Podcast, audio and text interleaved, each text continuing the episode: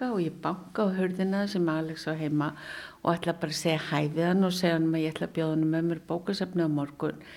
Þá kemur ung kona til dýra alveg skelvingulastinn og engin Alex lengur á stanum, hann greinlega fluttur úr landi og í staðin var komin þarna kurdísk kona sem skildi ekkert, ekki ennsku, ekki neitt, en við náðum samt að tala saman án þess að nota tungumál. Á undanförnum árum hefur þeim fjölgað sem sækjum hæli hér á landi af margvíslegum ástæðum. Í þættinum í dag ætlum við að kynast fólki sem eitt sinn var á flótta og er nú sestað á Íslandi og Íslandingum sem hafa hjálpað því að aðlagast í nýju landi.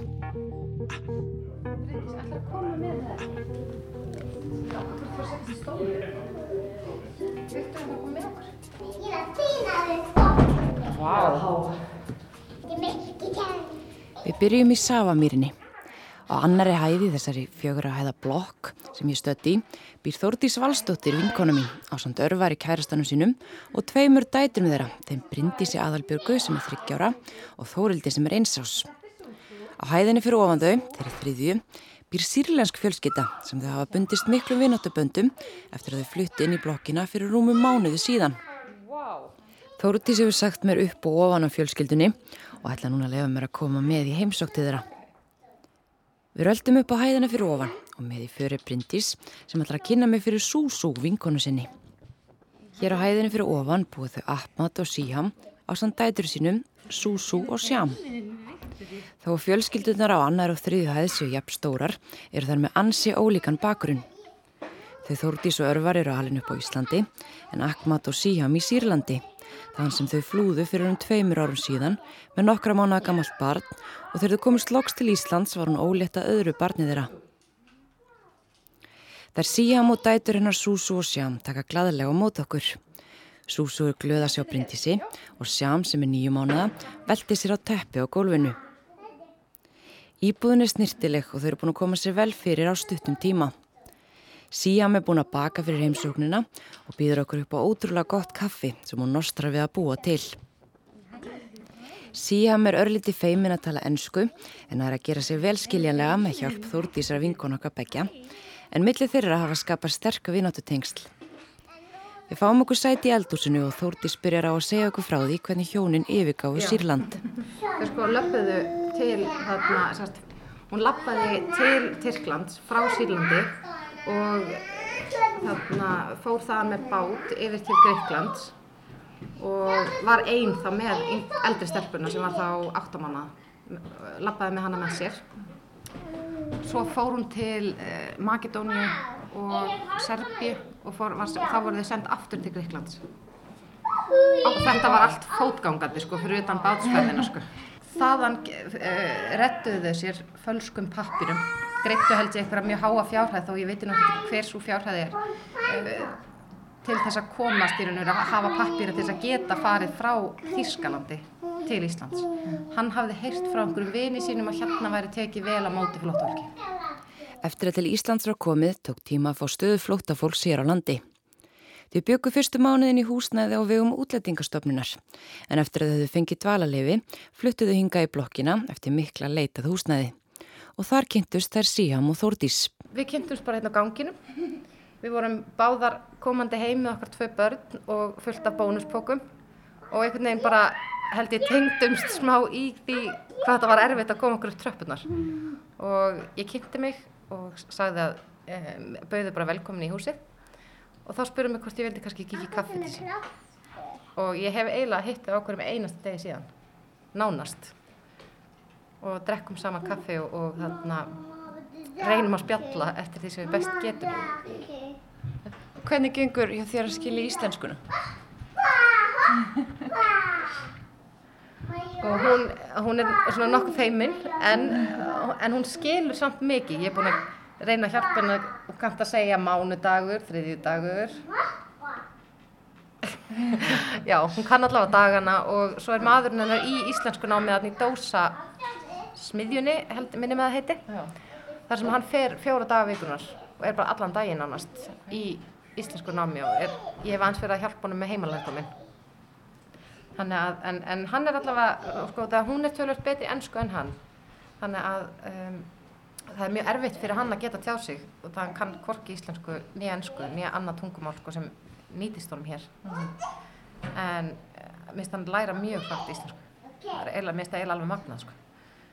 Það er hvert skipt sem ég hitt hann þá allt í nýja að koma með eitthvað nýtt og, og skilur smart. Og hvað spjallið um?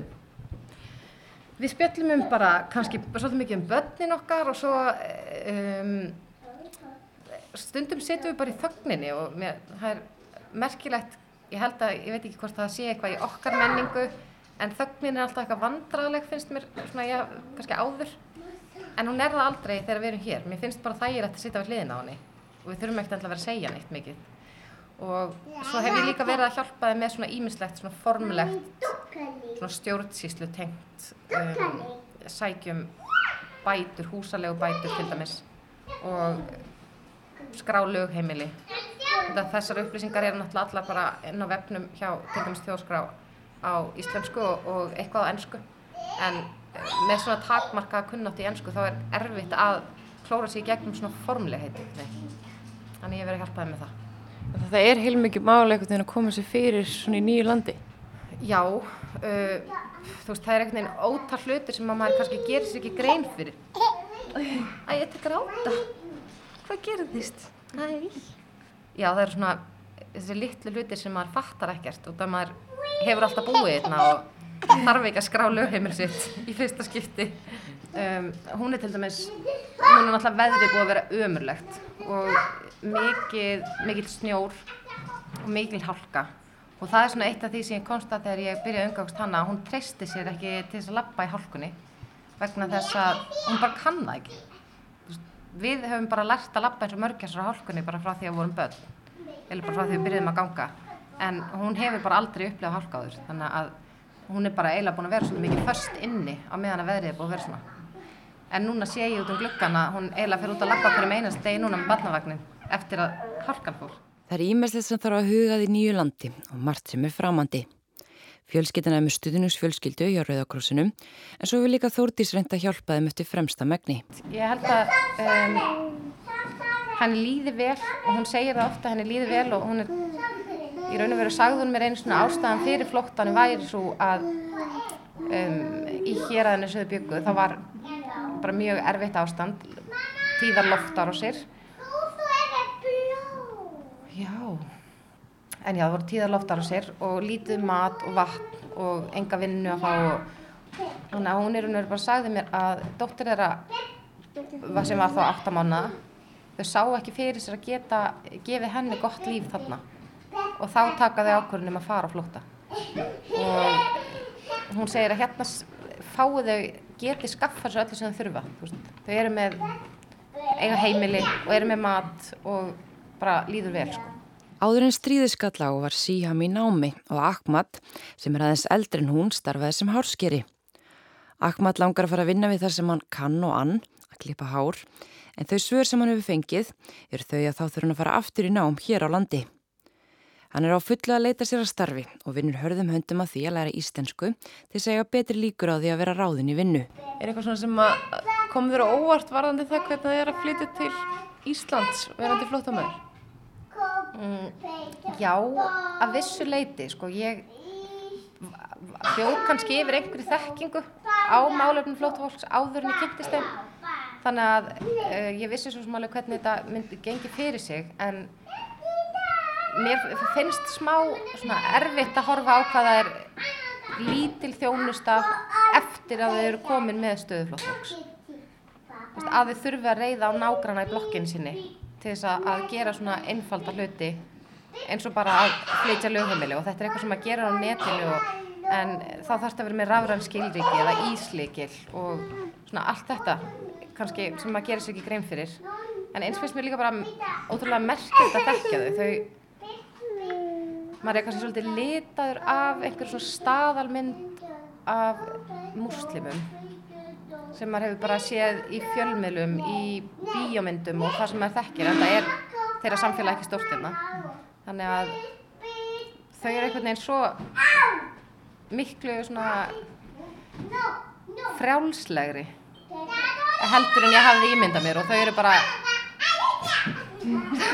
þau eru bara eins og ég og þú í samskiptum sína milli og, og, og bara í samskiptum sínu sem par eru þau bara eins og ég og maður minn og eiga mjög fallegt samband hlæja mikið og grínast mikið og eru bara ótrúlega skemmtileg Með að við spjöllum saman leika þær Bryndís Aðalbjörg og Súsú sér saman í stofunu eins og kannski heyrist undir. Það láta ekki tungumálörðuleika stoppa sig en það hefur Súsú náð góðum skilningi á íslensku. Eru þið vinkonur? Já, Og eru það alltaf að leika saman? já. Hvað gerir þið? Um, að leika með drótið mitt og að leika okkur og horfa. Og hvar bjó Súsú áður hún kom til Íslands? Um, í Þýrlandi og allir voru að besta með bestidóttum. Ahmad eiginmaður Síham er nú vaknaður eftir smá blund og sest hjá okkur. Hann hefur verið duglegur í íslensku náminu og lifur okkur að heyra það sem hann hefur lært undanfarið. Hvað heitir þú? Ég er frá Sýrlandi. Uh, hver byrð þú? Hvernig? Hver byrð þú? Já, hvar byrð þú? Hvar býrðu? Já. Uh, núna ætla ég eh, þetta. Sam, Stelpa. Stelpa. strákar, tettelba. Mánudagur, þriðjudagur. Mánudagur, þriðjudagur, mánudagur, þriðjudagur, meðvíkurdagur, Já. fymtudagur, leiradagur, Nei, fastudagur, femtudagur, fymtudagur, svo fastudagur. en leiradagur, Leifadagur, já. Já. fyrstudagur, sunnudagur. Laugardag- Fastudagur, lögadagur, sunnudagur. Vel gert. Mjög vel gert. Tungumálaörðuleikar gera þó oft vart við sig en þá er hægt að stiðjast við Google Translate. Þau eru ánægð að vera loksins komin í öryggi og finnst erfitt að sjá myndbönd frá gamla heimabænum sínum aftur, aftur, aftur, aftur. Í hver fjölskyldun áfæmlega að heyra hvernig hvað er á sírlensku. Salam, salam. Ma salam.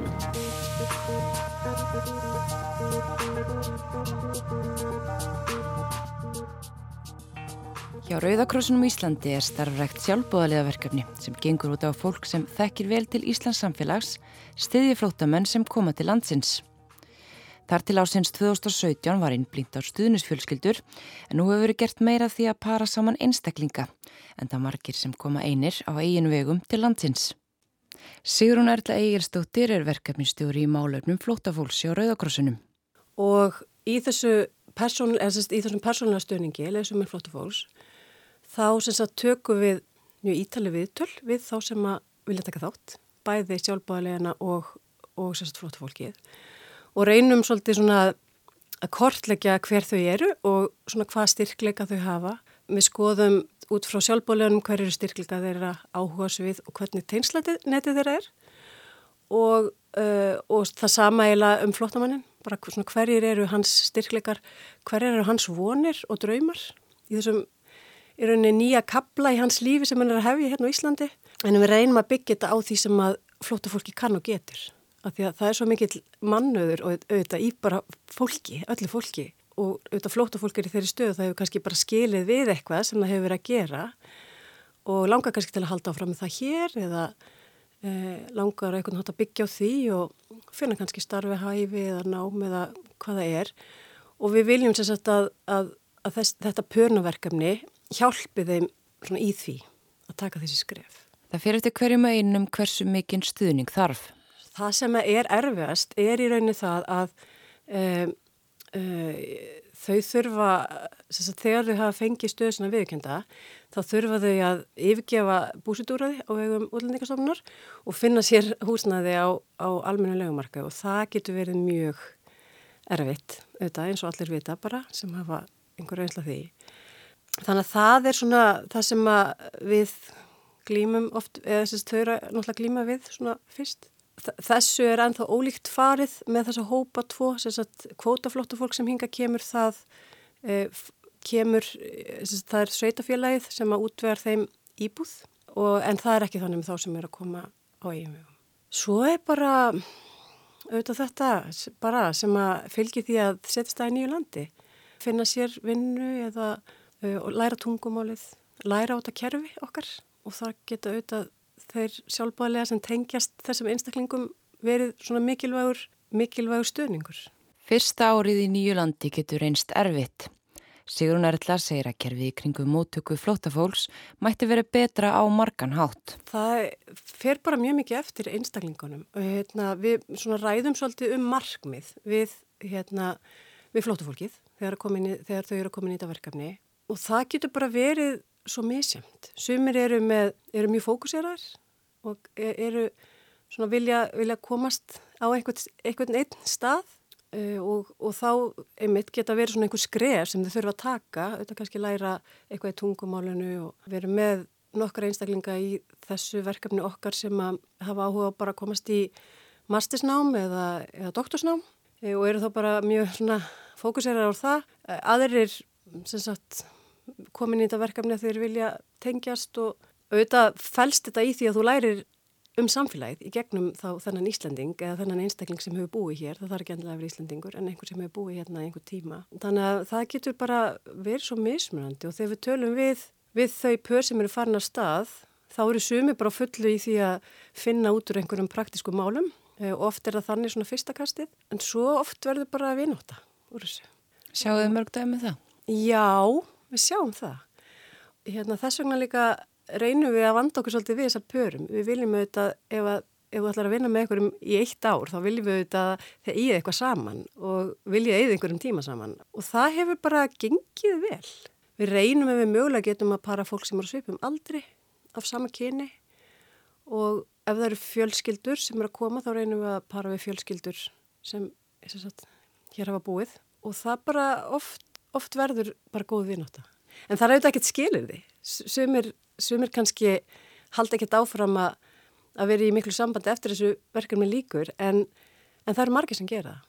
Það getur auðvitað verið bara mjög snúið og líka því að svona kerfið okkar utanum sagt, móttöku flótafólks er alls ekki eins stert eins og til dæmis í löndunum sem við viljum bera okkur sama við, löndunum hér kringum okkur og um, til dæmis í Núaregi og Danmörku þar eru mjög svona öflug móttöku prógram sem fólk kemur inn í, eins til tveggjára prógram. Um, og þar er þér séð fyrir sem sagt, e, tryggt húsnæði þegar þú ert aðstofað við að, að fá vinnu. Og, það er mjög stíft tungumálaprógram eins og til dæmis í Noregi.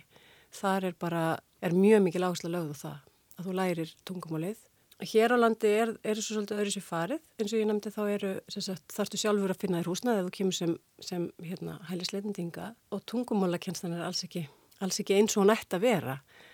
Flótu fólk getur sótt um styrk sagt, til e, félagsnjónustunar um, já það eru 150.000 krónur sem getur fengið til að greiða fyrir íslensku námskeið sem eru auðvitað allt og lítið.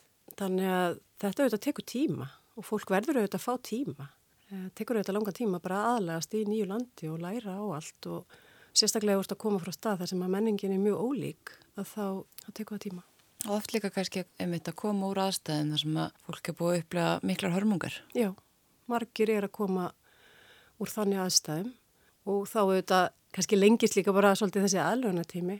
Það er auðvitað mjög mismunandi hvernig fólk bregstu áföllum en hérna en auðvitað oft, oft er fólk að koma úr, úr, hérna, úr erfiðum aðstæðum. En það sem við viljum líka svolítið sjá í svona pönaverkefni eins og þessu er að við viljum að verði svona gagkvam aðlugun. Að við séum sem sagt að svona smátt og smátt líka breyta samfélagin okkar. Þannig að það getur tekist á við og aukna fjölmenningu í okkar samfélagi og að því að við þurfum líka breytast. Er, þetta er á báða búa. Flóta fólki þarf aðlast því sem hér er en við þurfum líka að vera tilbúin til að breyta okkar og, og skilja og vera með ofin huga. Þannig að við vonast þetta til þess að það gerist í gegnum verkefni eins og þetta. Það fólk kynnist og, og svona læri hvert af öðru. Hvað geta Íslinga gert þess að hjálpa flótafólki sem kemur til landsins? Já, auðvitað, við getum bættið okkur sjálfbúðalegum í öll þessi verkefni og tökum bara fagnandi þeim sem að vilja taka þátt og hérna maður þarf ekki að hafa neitt sérstakann bakgrunn, við erum bara með alls konar fólk sem sjálfbúðalega í þessu verkefni, með alls konar reynslu og mentun og bara Já, og svo er þetta bara þetta, vera kannski bara pílniti forvitin um þá sem að hérna, hingað, hingað er að koma og hérna, vera, vera opinn og, og vera tilbúin til að tala við fólk og fá að heyra þeirra sögu og hvað, hvað hugmyndir þau hafa um þetta líf hér og það getur líka verið svo áhugavert að speiklast þetta eigi samfélagi gegnum þá sem eru að koma annar staða frá. Oft kemst maður að hlutum sem maður hafði aldrei hugsað um áður. Þannig að það geta allir gert eitthvað og það getur verið svo útrúlega gefandi að kynast einhverjum sem kemur annar staða frá, hvaðan svo sem það er. Og við finnum það auðvitað sjálfbáðilega sem komin í verkefni. Þeir eru margir að koma þeim fórsendum, þá langar til að læra og langar til að sjá eitthvað nýtt og þetta er Íslands samfélag svolítið, hefur verið svolítið einsleitt. Þannig að þetta getur verið bara mjög, mjög spennandi. Það var einmitt í gegnum þetta verkefni leðsugumenn flótafólks sem þeir kynntust þeir Mohamed Salam Al-Tai sem er fættur í Írak og Sveinbjörn Finnsson. Þeir eru báðir verkfræðingar. Mohamed flúði heimaland sitt þar sem hann hafði lært verkfræði og fór til Kína þar sem hann var í doktorsnámi. Hann kláraði ekki doktorsnámið þar en kom hingað í leita hæli þar sem hann gæti ekki snúið aftur til heimalandsins. Hann ákvað því að fara til land sem var einst langt í burtu og hann kæmist og þess vegna endaði hann á Íslandi. I, Fyrstum sinn bjóð hann á vegum útlendingarstofnunar á Víðinesi og svo á Grensasvegi. Hann segi fyrstu mánuðinu í Íslandi hafa verið erfiða. Þessi erfitt að býða ákverðunum framtíð sína í algjöru óvissu um hvað verði. Svo kom að því að ákverðunum kom og Mohamed fekk hæli hér á landi. Hann segir það hafi verið mikinn létti. Like we're waiting there, waiting for the decision for immigration. Just like until the trace of we don't know our future, we don't know what will happen. So, because many people, with so many people, they get negative and they deported them back. So we are scared, we don't know what will happen. But uh, at the end, I get, I'm lucky maybe, or so I got Canada and stay here. Þegar hann fekk stöðu flóttamanns á Íslandi þá komst hann í kynni við Sveinbjörn. Na, þau stóðu sér svona vel að tengja mig og Mohamed saman. Við hérna, erum báðir verkfræðingar og uh, mjög svona báðir svona fókusaðir og verkefna með þeir. Þannig að við vorum rosalega mikið bara að hérna, eða svona náðum bara vel saman strax í byrjun. Og höfum, erum rosalega mikið að pæla í svona hvernig við getum hvernig hann getur fundið svona eitthvað við hæfi á Íslandi með sinn bakgrunn sín í, í þar að segja bakgrunn í mentun og líka einhverju leiti e, í starfi. Og það bara, þú veist, það er bara alls konar vekkir þar sem maður rekst á og sem er eðlilegt, sem bara allir rekast á sem er að leita sér að einhverju við hæfi samkvort að þú sért nýr í samfélaginu eða ekki en allt eitthvað svona sem hann þekkt ekkert.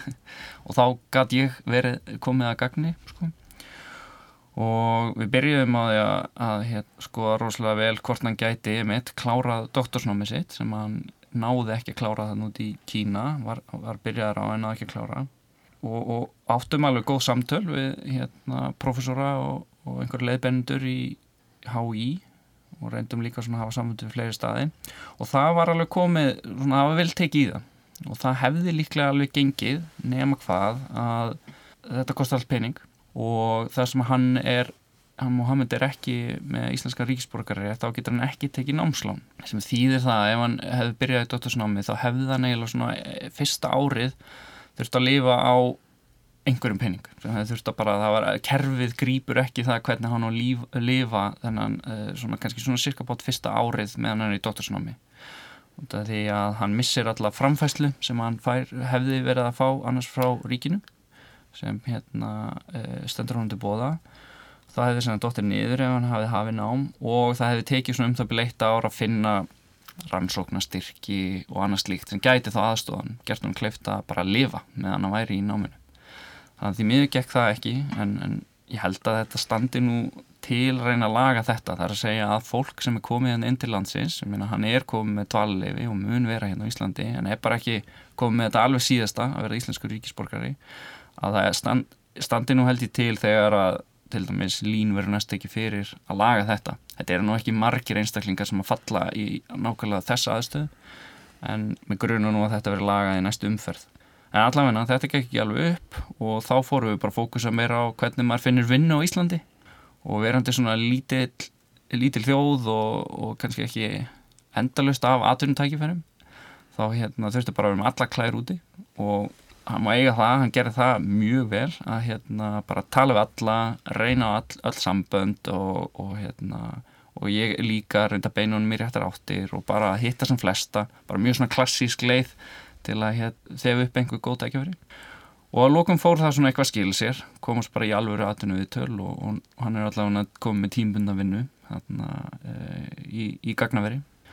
Þannig að það er allavega eins og staðinu núna. Hann er hérna, það tókst að finna vinnu og ennþá samt verið svona aðeins með hugan við það hvort það ekki verið hægt að komast í doktorsnám á einhverju tímbúndi þannig að það er svolítið svona okkar samband það sem við erum búin að bralla bralla saman síðan í gegna þetta program hjá Rauðakrossunum. Móhamed er einnig sjálfur sjálfböðliði hjá Rauðakrossunum og reynir þannig að hjálpa öðrum sem er í sömu stöðu og hann þegar hann kom fyrst til landsins.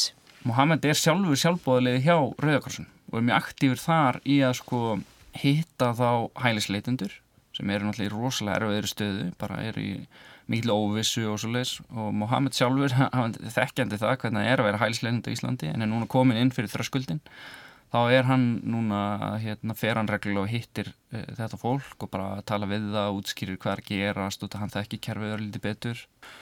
Og, og er að bralla bara hitta þetta hjá Rauðakrossun þannig að Rauðakrossun hefur reynst honum mjög vel. Og hérna, það er náttúrulega mjög virðingavert að hann, hérna, hann, hann þræla sér út í vinnu og allan auka tíma notar hann eiginlega til í sjálfbóðinu hjá Rauðakrossunum Þannig að hann, er, hann finnur sér nóg að gera sko, hann situr ekki auðum höndum, hann er Mohamed. Þeir Mohamed og Sveinbjörn eru sammálum að það sé mikilvægt fyrir flótamenn sem koma til landsins að fá eitthvað til þess að kenna þeim á landið. Það hefur verið erfitt fyrir Mohamed að fá vinnu en tekist á endanum þá hann starfi ekki nákvæmlega við það sem hann er mentaður til. Það sé þó nærið því og hann vonast til að fá vinnu setna við sína mentun. Hvað gerir þið þegar þið hittist? Við hittum svona oftast bara á einhverju kaffehúsi bara svona til þess að þægilegum aðstæðum og, og röpum bara svolítið svona saman. Byrjar ótt bara því að þess að fara yfir hvað er hérna sérstaklega frétta af Mohamed síðastu, sí, síðan síðastu hittumst, kannski gera með það eins og nýju viku. Og svo hérna eftir smá svona rapp og, og, og fara yfir stöðuna þá, þá fyrir við oftast að skoða eitthvað svona mjög konkrétt hérna, verkefni sem við getum bara að skoða. Hérna kannski upp, fara yfir ferirskrána uppdata hann eitthvað eða hvort að þessi komið að því að hérna fara lítið kringu sig eftir næstu vinnu eða ekki og svo framvegir sko. og eins og hann seg, sagði á þeim það, hérna, það sem maður hefur langmest fram á að færa í einhver svona er bara hvað maður þekki samfélagið miklu betur uh, alls konar praktik bara ef, ef þú ert með þetta vandamál þá er þetta hugsanlega stopnarnir sem þú tala við, ef þetta er áhugin þá er þetta hugsanlega fyrirtæki sem þú getur tala við og svo framvegis sem þú einhvern veginn googlaði bara ekkert í gegnum á ennsku um Ísland. Um, þannig að við endum ofta á því að, að tala um eitthvað, einhver svona praktík. Það er svona, vorum við myndið að veltaði fyrir einhverjum daginn, hvað hérna við höfum lítið kannski verið að pæla í því að, hvað ég segja svona útskýra fyrir um íslenska síði eða íslenska menningu eða eitthvað svo leiðis og þótt að það sé alveg mikilvægt og ég held að það kom alveg að því þá er hitt bara eitthvað sem verður bara að ganga frá einhvern veginn það er svona erfitt að leggja á einhvern sko að vera í stressi að því að leita sér að vinnu og vera hérna í alls konar óvissu með framtíðin og svo leiðis og á sama tíma þurfa að vera bara að kynna sér þú veist hver, hver er Sigmundur Davíð og Vindris og hvað eru þú veist íslenski, íslenska matavennjur og þú veist e, e, alls konar svona sem að kemur og æfa sér íslensku sem að kemur en þú verður einhvern veginn að hafa hitt sko útrýja með einhverju svona óvissu um framtíð fyrst og fyrir hann var það þá að finna út í er ég að fara að halda áfram með námið mitt eða fara að vinna eða eitthvað svolítið en út af, ef maður heyrir að blæði sko aðri sjálfbóðarlega sem eru sko að gera það saman og ég þeir eru kannski komnir á þann stað og eru svona að loðsa fólk í gegnum bara hvað er að vera Íslandingur og þú veist hvað er þetta eiginlega komin úti hérna á Íslandi sko. Hvernig virkar þetta eiginlega allt eh, bara okkar síðir og vennjur og þannig. Og við náttúrulega lærum líka þeim í leiðinni þannig að þetta er náttúrulega svona fer fram og tilbaka en það, eh, það er svona típist að við með hittum í klukkutíma einu sinni viku og bara svona uh, förum að þessi málinn og svo bara þróast það einhvern veginn þetta er mjög svona bara organist einhvern veginn hvernig, hvernig sambandið er sko. Leðsugumenn flótafólks er verkefni til eins árs en þeir eru báðir sammála um að þeir munu halda áfram að hittast eftir það en það séu þeir orðinir bara góðir vinir í dag Móhamed er bjart síðan á framtíðan á Íslandi og Sveinbjörn mæli með að fólk gefur sér tíma til að staldra við og kynna sér líf flótamanna. Yeah, I, definitely think uh, this will last longer than uh, just the contract, the Red Cross contract. Mælir yeah. með því að, Íslandingar gerist hjálpaðaliðar og hjálpi flóta fólki? Já, absolutt, absolutt. Það er hérna, uh, þetta gerir mjög mikið held ég fyrir okkur öll sko. Fyrsta lagi er náttúrulega að gera þetta mikið fyrir fólki sem að uh, sjálfbóðleginir hjálpa og en líka fyrir sjálfbóðleginir sjálfa og bara einhvern veginn það, það er gott fyrir alla ef að uh, þetta er eins þægilegt og, og mögulegt er. Þegar einhver nýr kemur inn í samfélagið að við tökum vel á mótiði þau læra af okkur og við læra af þeim. Það er að segja að þetta, þetta á ekki verið einhver sko hérna bara einstefnu aðlögun sko. Það sem einhver einstaklingur á aðlagast að samfélagin okkar heldur að við líka aðlagast að þeim og einhvern veginn allir læra öll og bara flóran verður hérna fjölbreyttari. Og að vera sjálfbóðileg hjá Rauðakrossunum þá, þá getur sannarlega tekið þátt í því. Þannig að ef þú trúir á það að, að við eigum að taka vel á móti uh, fólki sem kemur úr hérna, erfiðum aðstæðum þá bara sannlega mæli ég með því. Þannig að bæði sko svona hugssjónin er líka bara persónulega sko, læra maður mikið. Síðast en ekki síst likur leiðminn í Sólheima í Reykjavík. Í stóra og háreista blokk þar sem hún Linda Rekvistóttir býr á samt manni sínum. Þau búa fyrstuhæð með stóran og fallegan bakar með sér ingangi Við enda garsins er gamat leikskóli sem nú hýsir hælisleitendur sem býða þess að vita hvort þeir fái umsóknum dvalarleifi sitt á Íslandi samþykta. Linda hefur kynst flótamönnum frá mörgum löndum sem búa í húsinu. Hún byrjar á því að segja mér hvernig hún komst að því að þarna byggju hælisleitendur. Ég get kannski bara best lísti með því að segja að ég var að lappa, ég var að koma að gangandi heim í fyrravetur, fyrra haust þegar ég sé lítinn skituðan strák vera að standa þarna fyrir utan algjörlega lost og ég fyrir að tala við hann og hann skildi ekki orðaðið sem ég sagði. Svo ég reyndi á ennsku og þá komst ég að því að hann var sagt, þarna með mömmu sinni hælisleitandi nýkominn frá Makedóníu held ég. Og hann var tíur og gammal og hann hétt Alex og hann ætlaði að verða bói þegar hann er stór Þannig vissi ég að í næsta húsi við mig voru komnir hælisleitendur. Þetta er bara í bakarinn með þér, þú bara horfir út um stofuglökan hér, þá er þetta hús bara hérna í ránast í bakarinn. Gersamlega í bakarinnum hjá mér og við Alex verðum góði vinir og uh, við fórum saman á bókasafnið og hann kom hérna inn og fekk að horfa á sjónvarpið en það var svolítið erfitt því að hann var svo skítur og illa lyktandi, hann var aldrei þrifinn. Mammans var bara inni og reykti og sínt honum greinlega mjög lítið, hann var alltaf berfættur og í inniskum. E, já, þannig komst ég að því að það væri flótamenn hann. Já, síðan gerist það að nokkur viku setna þá fer ég þarna fram hjá um kvöld í myrkri og er að fara í, semst, í jóka og ég banka á hörðina sem Alex á heima og ætla bara að segja hæfið hann og segja hann að ég ætla að bjóða hann með mér bókasafni á morgun. Þá kemur ung kona til dýra alveg skelvingulostinn og engin Alex lengur á stanum hann greinlega fluttur úr landi og í staðin var komin þarna kurdisk kona sem skildi ekkert ekki ennsku, ekki neitt en við náðum samt að tala saman án þess að nota tungumál. Og þessi kona er enda dag í dag eh, árið setna mjög góð vinkon minn og eh, svo var þessi litla kjallara íbúð fyllt af það voru flest þarna fimm konur einleipar flótakonur við sögða rað og já, ég, ég náði að kynast um öllum. Þú segðu mér aðeins frá þessi er, eru þau að gefa sig er þú að gefa það að tala við þau eða er þau að gefa sig að tala við þau hvernig, hvernig kynustu þau? Í upphafðherðin sem ég saði að bara reynd tilviljun að ég kynnist Alex, ég fer að tala við hann. Og síðan reynd tilviljun að ég kynnist þessari kurdísku konu því ég var að heimsækja Alex. Önnur tilviljun er að ég sé auglýst á síðu á Facebook gefins allt gefins þar sem kona óskar eftir á bjagaðri ennsku, óskar eftir aðstóð fyrir sírlenska vinkonu sína sem hafi verið að koma til landsins með tveggjara barn og annað á leiðinni og hún er ekki neitt. Svo ég grýp til minna ráða og auglýsi eftir sagt, á íslensku eftir hjálp fyrir þetta fólk og það sapnast heilmikið í þetta. Og þessar konur byggu í yðnarhúsnaði Hafnafjörði og þangað átti ég eftir að fara nokkrar ferðir bæði með född og, og eins flytningskassa því að svo koma því að það ringdi í mig gjörsanlega miðu sín því að það átti að flytja þær eitthvað í burt og þær vissi ekki hvert. Og þegar til kastana kom daginn eftir þá voru þær fluttar í húsi hérna byggt fyrir neðan hjá mér.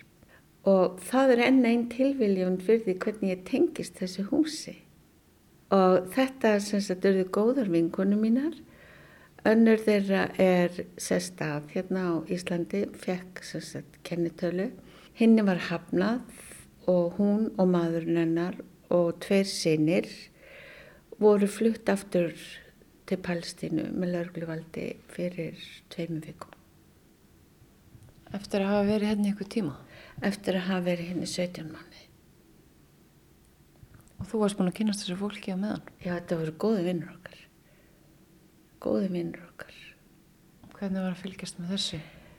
Það tekur ótrúlega á þó maður viti að maður er að líta til með fólki sem að er að renna kannski gegnum landið og maður ætla sér ekki að tengjast í tilfinningarlega þá, þá getur maður ekki varið sér algjörlega kvarti og það tók á þegar, þegar komið var að því, þegar við vissum það fyrir víst að þau færi og þau gretu mikið og það var mikil reyði og, og stuðningum minn hefur mest megnis verið kannski í því að hérna svona tilfinningarlegu stuðningur. Þannig að þú ert bara svona, já kannski svolítið óvart orðin hálgir trúnaðmannski fyrir fólki sem að býr hérna í þessu húsi, hér beint, uh, í bakarinn við þar. Já, einmitt, það eru hérna marga konu sem kalla mig mömmu. sem búið þarna? Já. Sem eru það kannski bara einar? Já, já. já. Og eru þau að hoppa bara hérna til þín í kaffi og svona? Já, já, það hefur alveg verið og sí, þau hafa sínt þakklæti sitt, arabarnir sína þakklæti sitt mest því að þau koma með mat, heitan mat, alls konar rétti, kökur, smákökur eða bjóða manni í mat.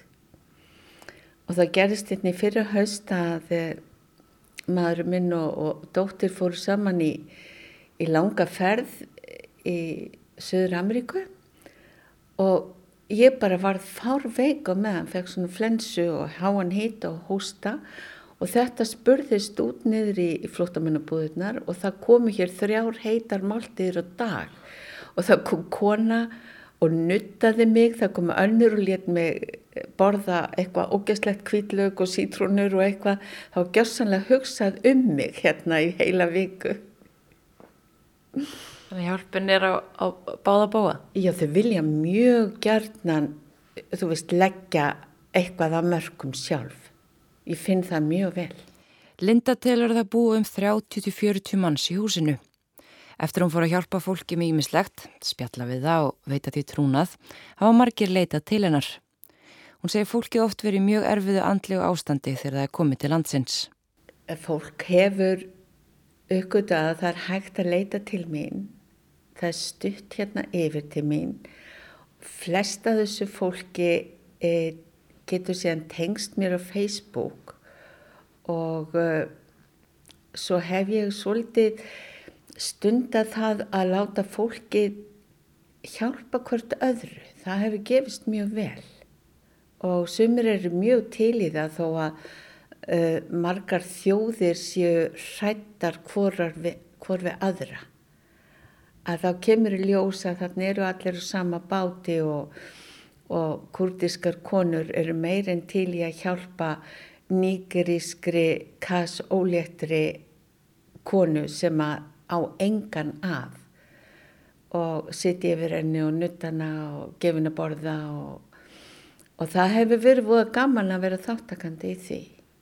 Svo hef ég líka leitað hérna til Langholtskirkju, talaði við prestana þar, Jóhannu og Guðbjörgu, sem að bröðust mjög vel við og stopnuðu svona hóp þar sem að konur, engungu, konur og börn, komu einsinni viku og þær máttu velja hvort þær vildu læra eitthvað eða gera eitthvað og þær völdu að læra ennsku og það hefur komið ennsku kennar einsinni viku og þannig að hittast þær og fá kaffi og spjalla og svona.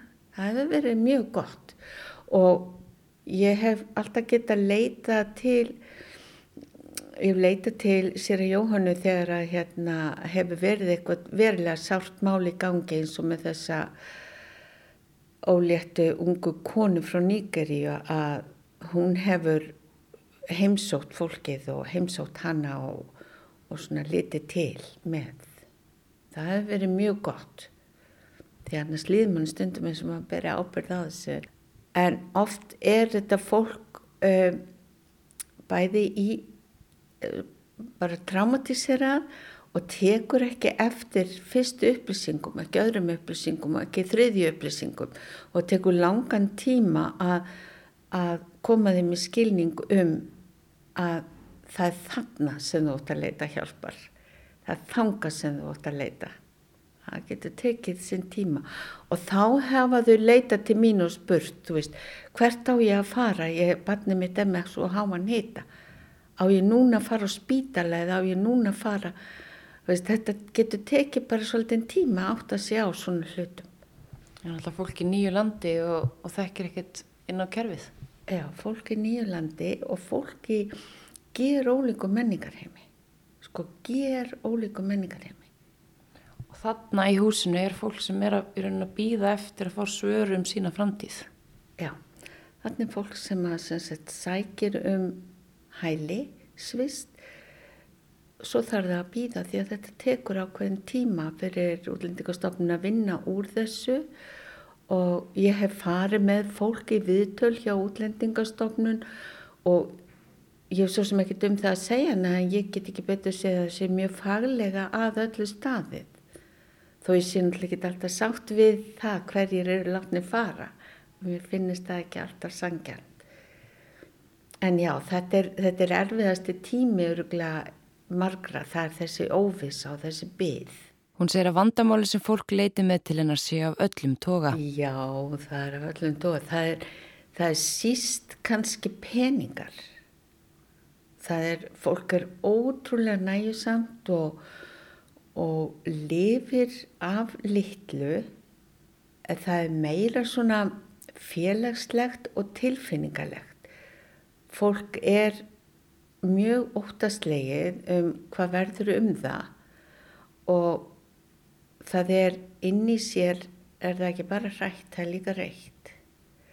Og það byrtist í alls konar erfileikum innan fjölskyldnan og það hefur oft verið leita til mín í sambandi við það að, eða stundum að það er reyður maður sem að kannski lúskrar á konu sinni sem lúskrar á barninu sinni sem sparkar í köttin og svona þetta sem við þekkjum kannski pínlítið.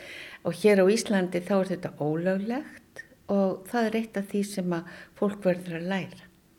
Það er að hérna, við leggjum ekki hendur á hvort annað, við öskurum ekki hvort á annað. Það heitir ofbeldi á Íslandi og þannig ger maður ekki hér.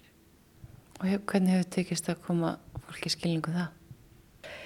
Já, ég er nú skap hundur sko, læta ekki hérna líðast ef ég verð vittnað einhverju slíku og hef alveg hrist svona araba höfðingja til og, og gargar á þá og skammað á. Og uh, já, ég hef kyrt konu hvernig aðkvarfið og, og hérna, já, ég hef talað barnavöndanemnd. Þetta er eitthvað sem við all þurfum held ég að vera vakandi fyrir að að vera sama ábyrg gagvar því að fólkinu farnist vel að við lítum ekki fram hjá því ef að fólki líður illa, ef að börnum líður illa. Það kemur okkur öllum við. Eins og með Alex litla sem að, það var bara orðin vinuðinn. Alex var orðin góðu vinn minn og hann hérna var mjög lengi ákveðin í því að verða bói og skjóta alla íslenska krakka sem er stríðunum. En hann hafði nú aðeins bakka með þessa afstöðu sína, hann ætlaði ekki að skjóta kísuna mína sem hún þótti rosalega skemmtileg og líklega ekki mig heldur. En þetta er bara barn sem hafði verið alið upp á götunni eða ekki alið upp, hann hefði ekki gengið í skóla, hann hafði lært ennsku bara á götunni í Þískalandi þar sem þau höfðu eitthvað dvali hann og mammans. Þetta er eitt af svona þessum, hann er svona dæmi gerður held ég fyrir svona börn sem er á rakólum um Evrópu. Var hann í skóla hér? Nei, engi skóli hér. Hann var bara, hann var bara einn úti að sparki snjúin. Þegar ég kynntist honum og þannig var það þegar allan tíman. Hún segir fólk hafa allskinn spurningar um flótafólki þegar það heyra af því að linda sig að hjálpa því. Það er hægt að hjálpa til sjálfsjálfar.